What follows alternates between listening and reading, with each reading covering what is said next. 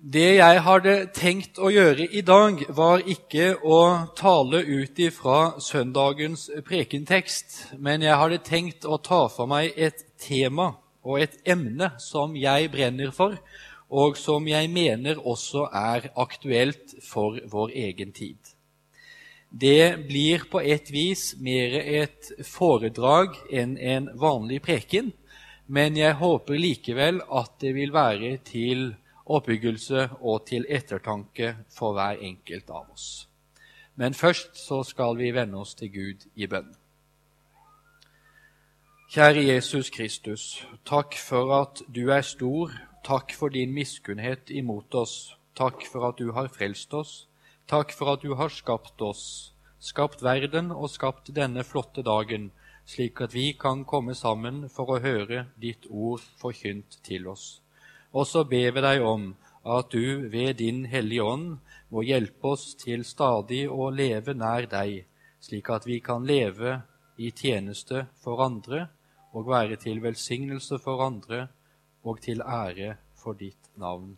Det ber vi deg om i Jesu navn. Amen. Norsk kirkeliv er i store endringer om dagen. Disse endringene ser vi bl.a. gjennom at det er en større, økende åpenhet mellom ulike kirkesamfunn. På enkelte ting så skjer det faktisk en tilnærming mellom ulike kirker. Disse tilnærmingene skyldes ikke bare at den lutherske kirken som vi er en del av, har forandret seg og åpnet seg, men det skyldes like mye at andre kirkesamfunn også har endret sin teologi og sin måte å være på. En pinsevenn i dag står ikke nødvendigvis for det som var pinsevennenes teologi den gang den ble stiftet. På den måten er alle kirkesamfunn i endring. Frontene som var der før i det tidligere kirkelivet, er der ikke nødvendigvis på samme måten lenger. Endringer i kirkelivet henger sammen med at det også er et endring av fokus, spesielt blant mange unge kristne. Hvis vi går noen tiår tilbake, så ser vi det at ofte så var menighetslivet da det vi kan kalle for at var preget av konfesjonell bevissthet. Man visste hvem man var, man visste hva man trodde på, man visste hva slags kirkesamfunn man var en del av, og man visste således også hva man eventuelt var uenige om med andre kirkesamfunn. Den måten er der ikke lenger på samme måten. Den lærebevisstheten som fantes før, er ikke til stede på samme måte lenger. Man kan selvsagt si at det er en god ting eller en dårlig ting, men det er likevel faktumet. Og da er spørsmålet hva gjør vi i så fall med det? Det at norsk kirkeliv endrer seg, henger også veldig mye sammen med at resten av samfunnet endrer seg. Våre utfordringer i dag er ikke nødvendigvis de samme som var for noen tiår siden.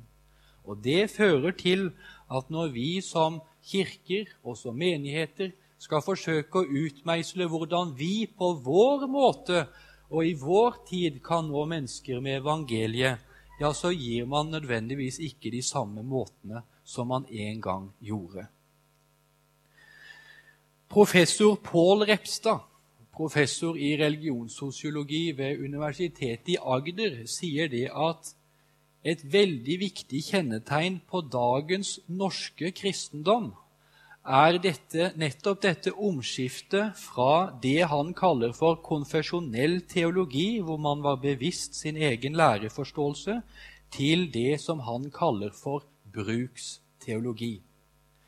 Bruksteologi den er først og fremst preget av at man ikke nødvendigvis er så opptatt av at læren, det som vi tror på, henger sammen, men man er mer opptatt av hva funker for meg her og nå, i dag, i kveld osv. Bruksteologien den legger mer vekt på at den må gi oss noe, mer enn at den skal henge sammen. Og Så kan vi alltid si det er bra eller det er dårlig, men faktumet er der igjen. Sånn er det bare.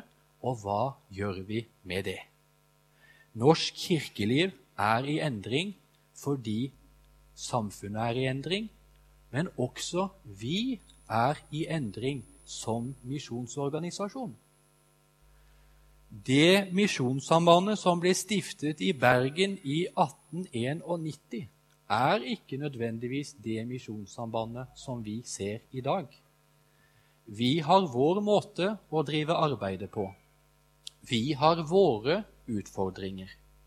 Men spørsmålet er da likevel er vi så forskjellige at vi ikke kan kjenne oss igjen i forhold til det misjonssambandet som ble stiftet i 1891? Det er et spørsmål som går på vår identitet løs. Hva vil det egentlig si at vi er misjonssambandsfolk? Og det første vi da kan slå fast, i hvert fall, er at fordi vi har vært en radikal lekmannsbevegelse, så har vi alltid et ønske om at vi bruker de metodene på å gi mennesker evangeliet i vårt samfunn som vi finner mest mulig hensiktsmessig. Det er det som gjør at vi i Misjonssambandet alltid er i endring. Fordi vi ønsker å nå mennesker med evangeliet, og det er så viktig for oss, så bruker vi de metodene vi føler at vi kan for å nå mennesker med dette budskapet i vår egen tid. Der er vi i endring. Men spørsmålet er da hva står fast? Hva har vi til felles med dem som stiftet Misjonssambandet i 1891? Det er ikke våre arbeidsmetoder. Det som vi står sammen om, og som har en kontinuitet tilbake til grunnleggelsen for Misjonssambandet, er at vi er en misjonsorganisasjon på luthersk grunn.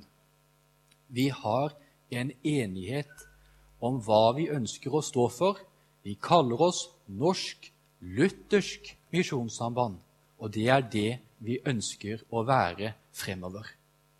Men så er jo da spørsmålet hva innebærer det egentlig da at vi er lutheranere? Det er et vanskelig spørsmål, det.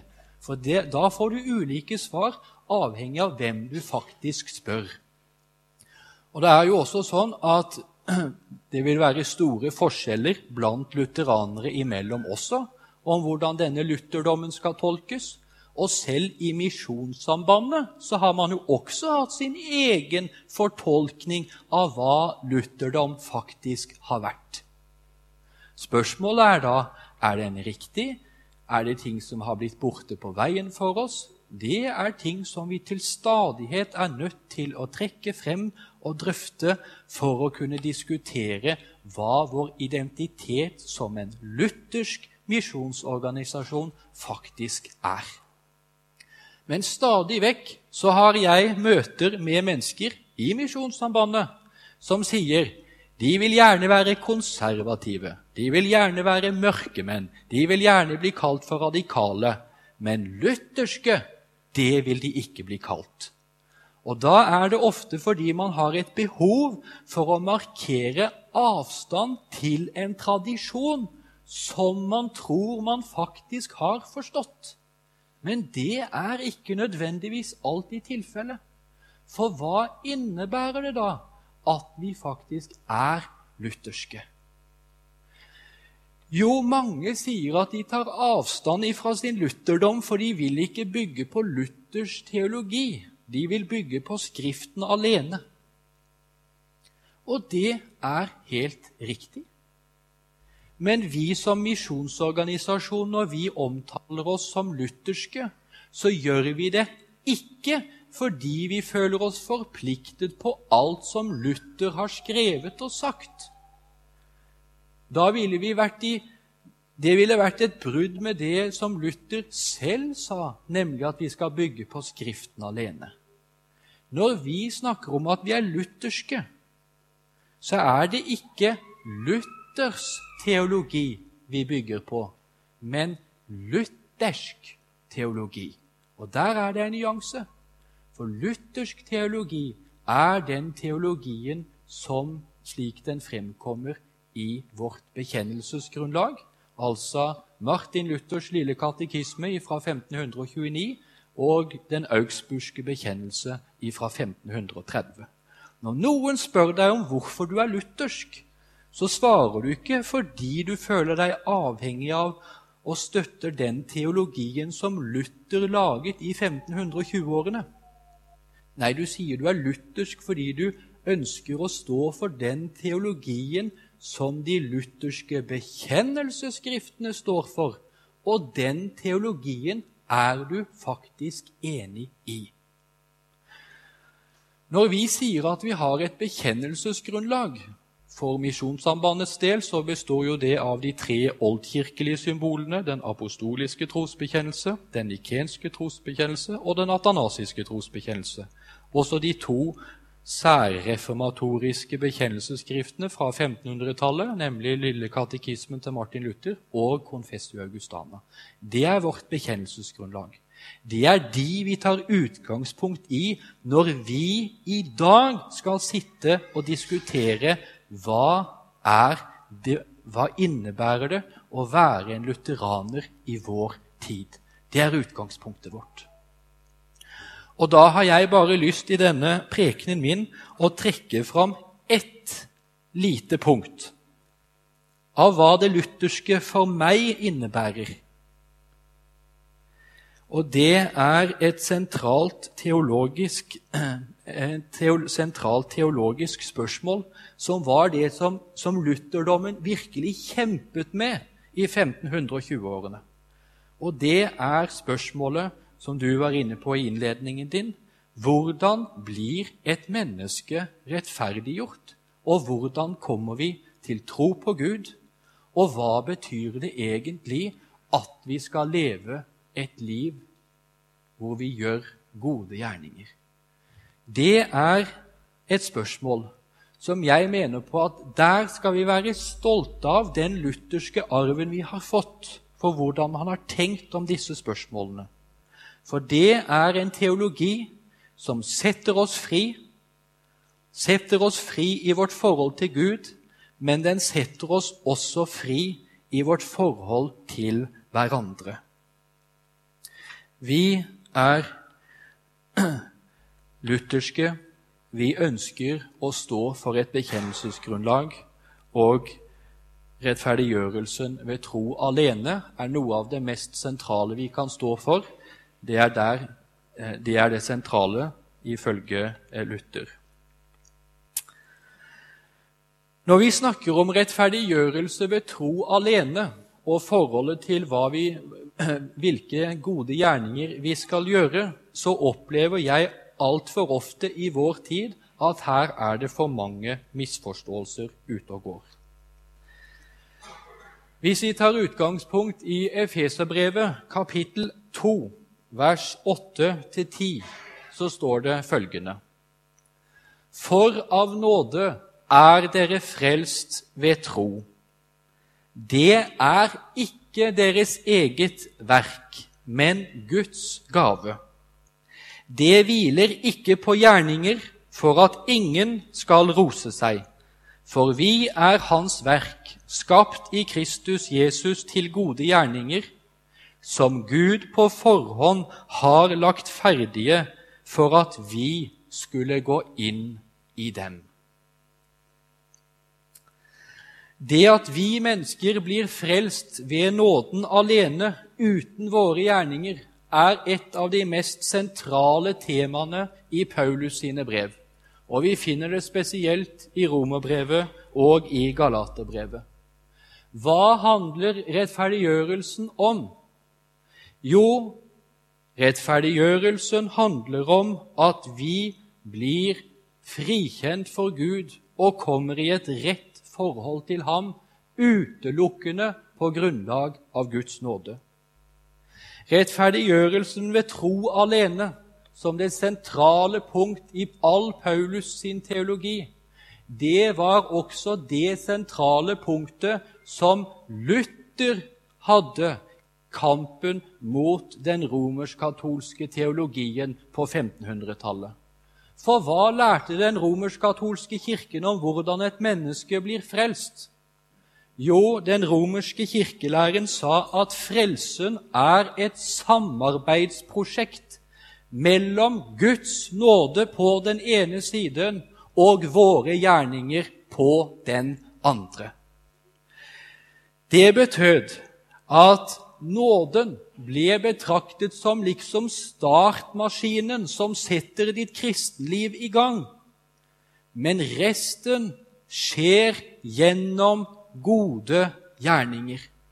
Og konsekvensen av den katolske teologien som Luther møtte på 1500-tallet, var at et menneske kan aldri få frelsesvisshet i dette livet. For man vet jo ikke hvor langt man er kommet i sin helliggjørelse og i sine gode gjerninger. Det var konsekvensen som Luther kjempet med i klosteret i Wittenberg. Da han stilte seg spørsmålet 'Hvordan kan jeg vite at jeg blir frelst?' så hadde Luther ikke noe svar, fordi han hadde lært av den skolastiske teologien på 1500-tallet at frelsesvishet kan du aldri få i dette livet, fordi du vet ikke hvor langt du er kommet i din egen helliggjørelse. Det var den katolske læren om rettferdiggjørelsen på 1500-tallet. Men det er faktisk den katolske kirkes lære om hvordan et menneske blir frelst i dag også. For den romersk-katolske kirken har ikke endret sin teologi i disse spørsmålene siden den drøftet saken på kirkemøtet i Trient i Nord-Italia i 1540-årene. Den romersk-katolske kirkens lære om dette er den samme. Konsekvensen av den forkynnelsen og teologien som Luther hadde møtt, var at rettferdiggjørelse og helliggjørelse ble blandet sammen på en sånn en måte at det ble anfektende for ham i dette livet. Han kunne jo aldri få vite om han tilhørte Kristus eller ikke, og om han ville bli frelst. Det var utfordringen for Luther. Men det er da også utfordringen for mange av oss i dag. Vi kan tenke som så at vi ønsker å høre Jesus til. Men så blir vi usikre på ja, men har jeg blitt bedre. Har jeg begynt å leve sånn som jeg burde? Og så kommer man i tvil på om man i det hele tatt kan bli frelst. Og da er jo spørsmålet hvordan kan vi da få en frelsesvisshet som holder når vi opplever at livet vårt blir vanskelig og blir en utfordring for oss. For det er et faktum. Mange ganger så vil vi erfare i løpet av livet at livet behandler oss hardt. Det kan være i møte med våre svakheter, det kan være i møte med lidelse, imellom sykdom, og det kan være gjennom sorg. Vi opplever livet som forgjengelig. Livet er ikke bare en seier. Og da er spørsmålet makter vi i dag å gi en forkynnelse som holder troen sammen hos folk når de opplever at livet blir vanskelig. Og Der mener jo jeg på at vi har noe å hente ifra den lutherske teologien. Fordi det som Luther gjør, er at han tar et grunnleggende oppgjør med en feilaktig teologi. Luther setter seg ned, han leser om Jesu liv og han leser om Paulus sin teologi og finner ut av at vi kan jo faktisk ha en frelsesvisshet i dette livet. For Gud har sagt at mennesket frelses uten lovgjerninger. Det at vi kommer i et rett forhold til Gud, handler aldri om at vi blir så mye bedre. Det handler om at Gud har gitt oss alt. Nåde er ikke at vi kommer med 50% gode gjerninger og Gud med 50% nåde, eller 60% gode gjerninger og 40% nåde.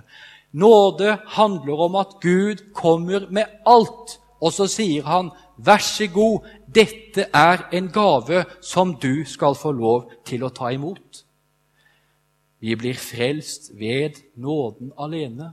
Det er ikke deres verk, men det er Guds gjerning, leste vi i Paulus sitt brev til efeserne.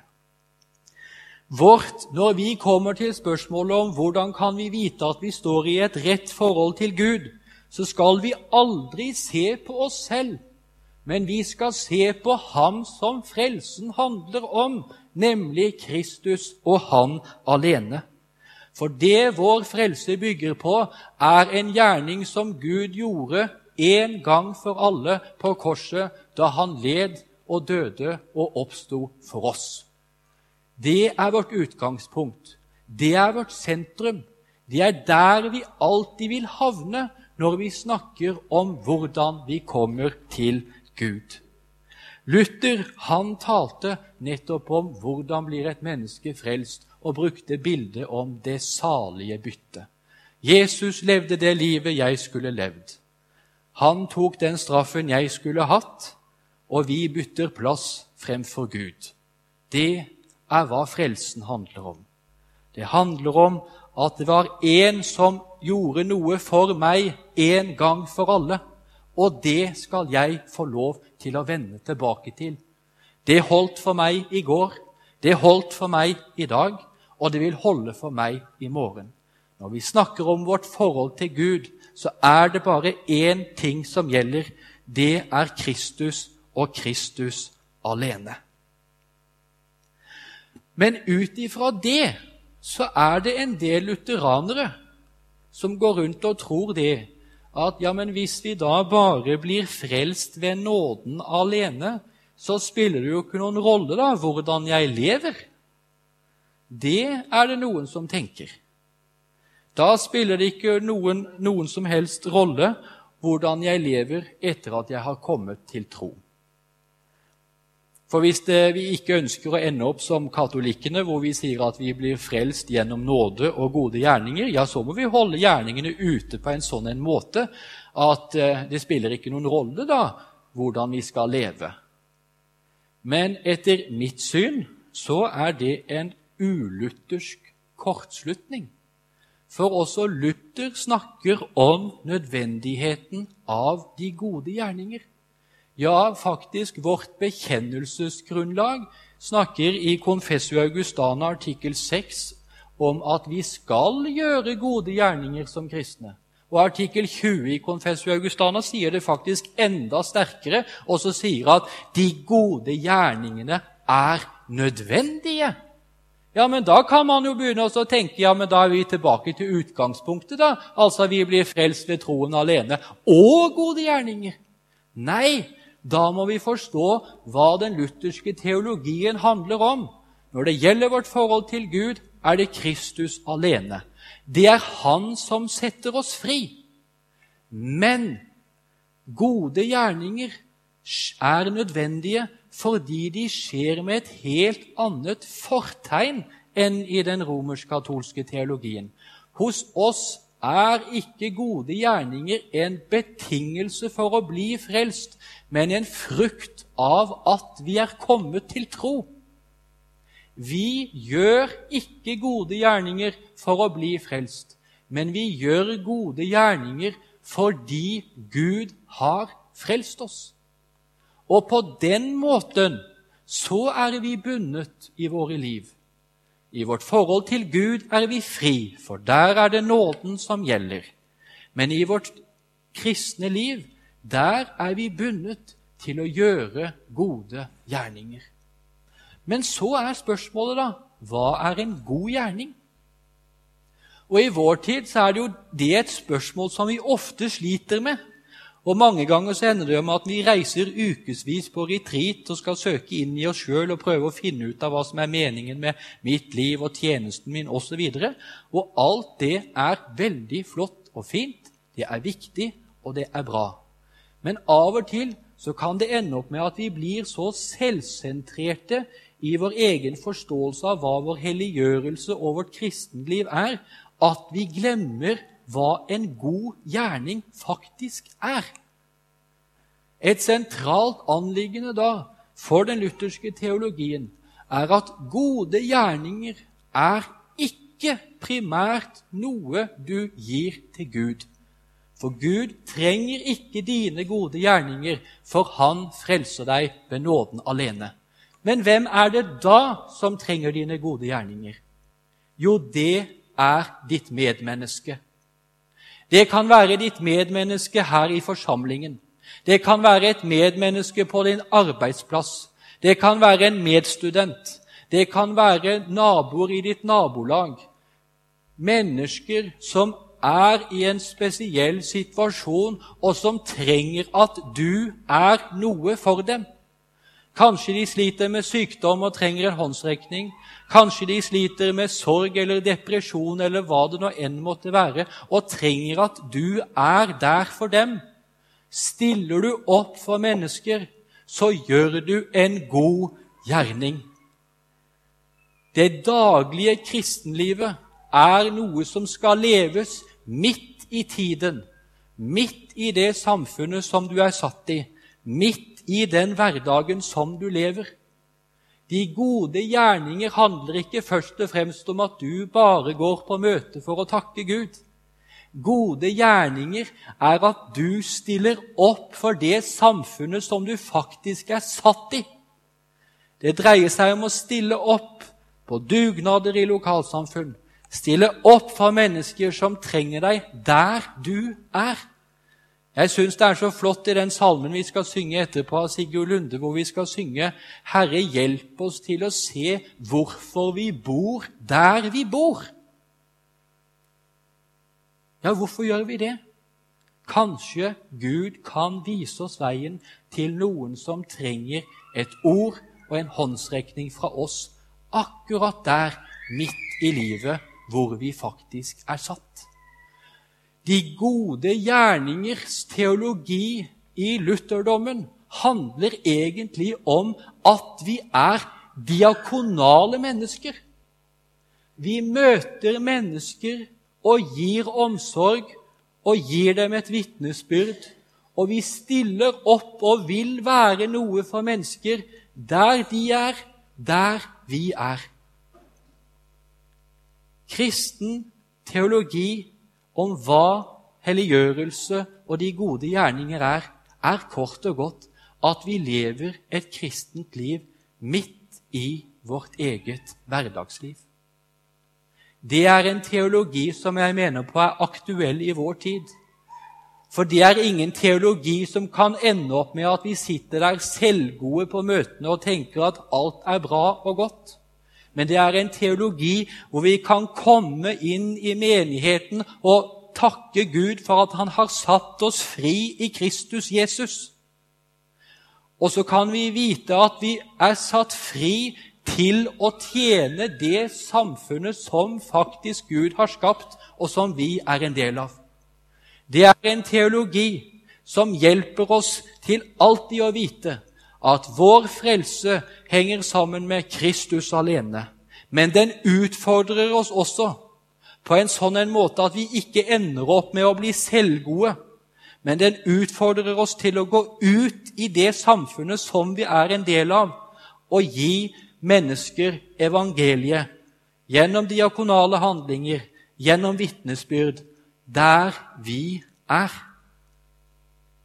Og hvilket samfunn enn vårt trenger ikke det? Det er mange i vårt samfunn som knapt har tatt i en bibel. Det er mange som sliter, psykisk eller fysisk. De trenger at du er til for dem. En god gjerning er ikke primært rettet mot Gud, men mot ditt medmenneske som trenger deg. Og når du gjør en god gjerning mot dem, så ærer du også din Gud i himmelen. La oss be. Kjære Herre Jesus, vi takker deg for at du alltid er sentrumet for vår frelse. Takk for det du gjorde for oss. Takk for at det holder hver dag. Og vi ber deg om at vi må kunne sette vår lit til det.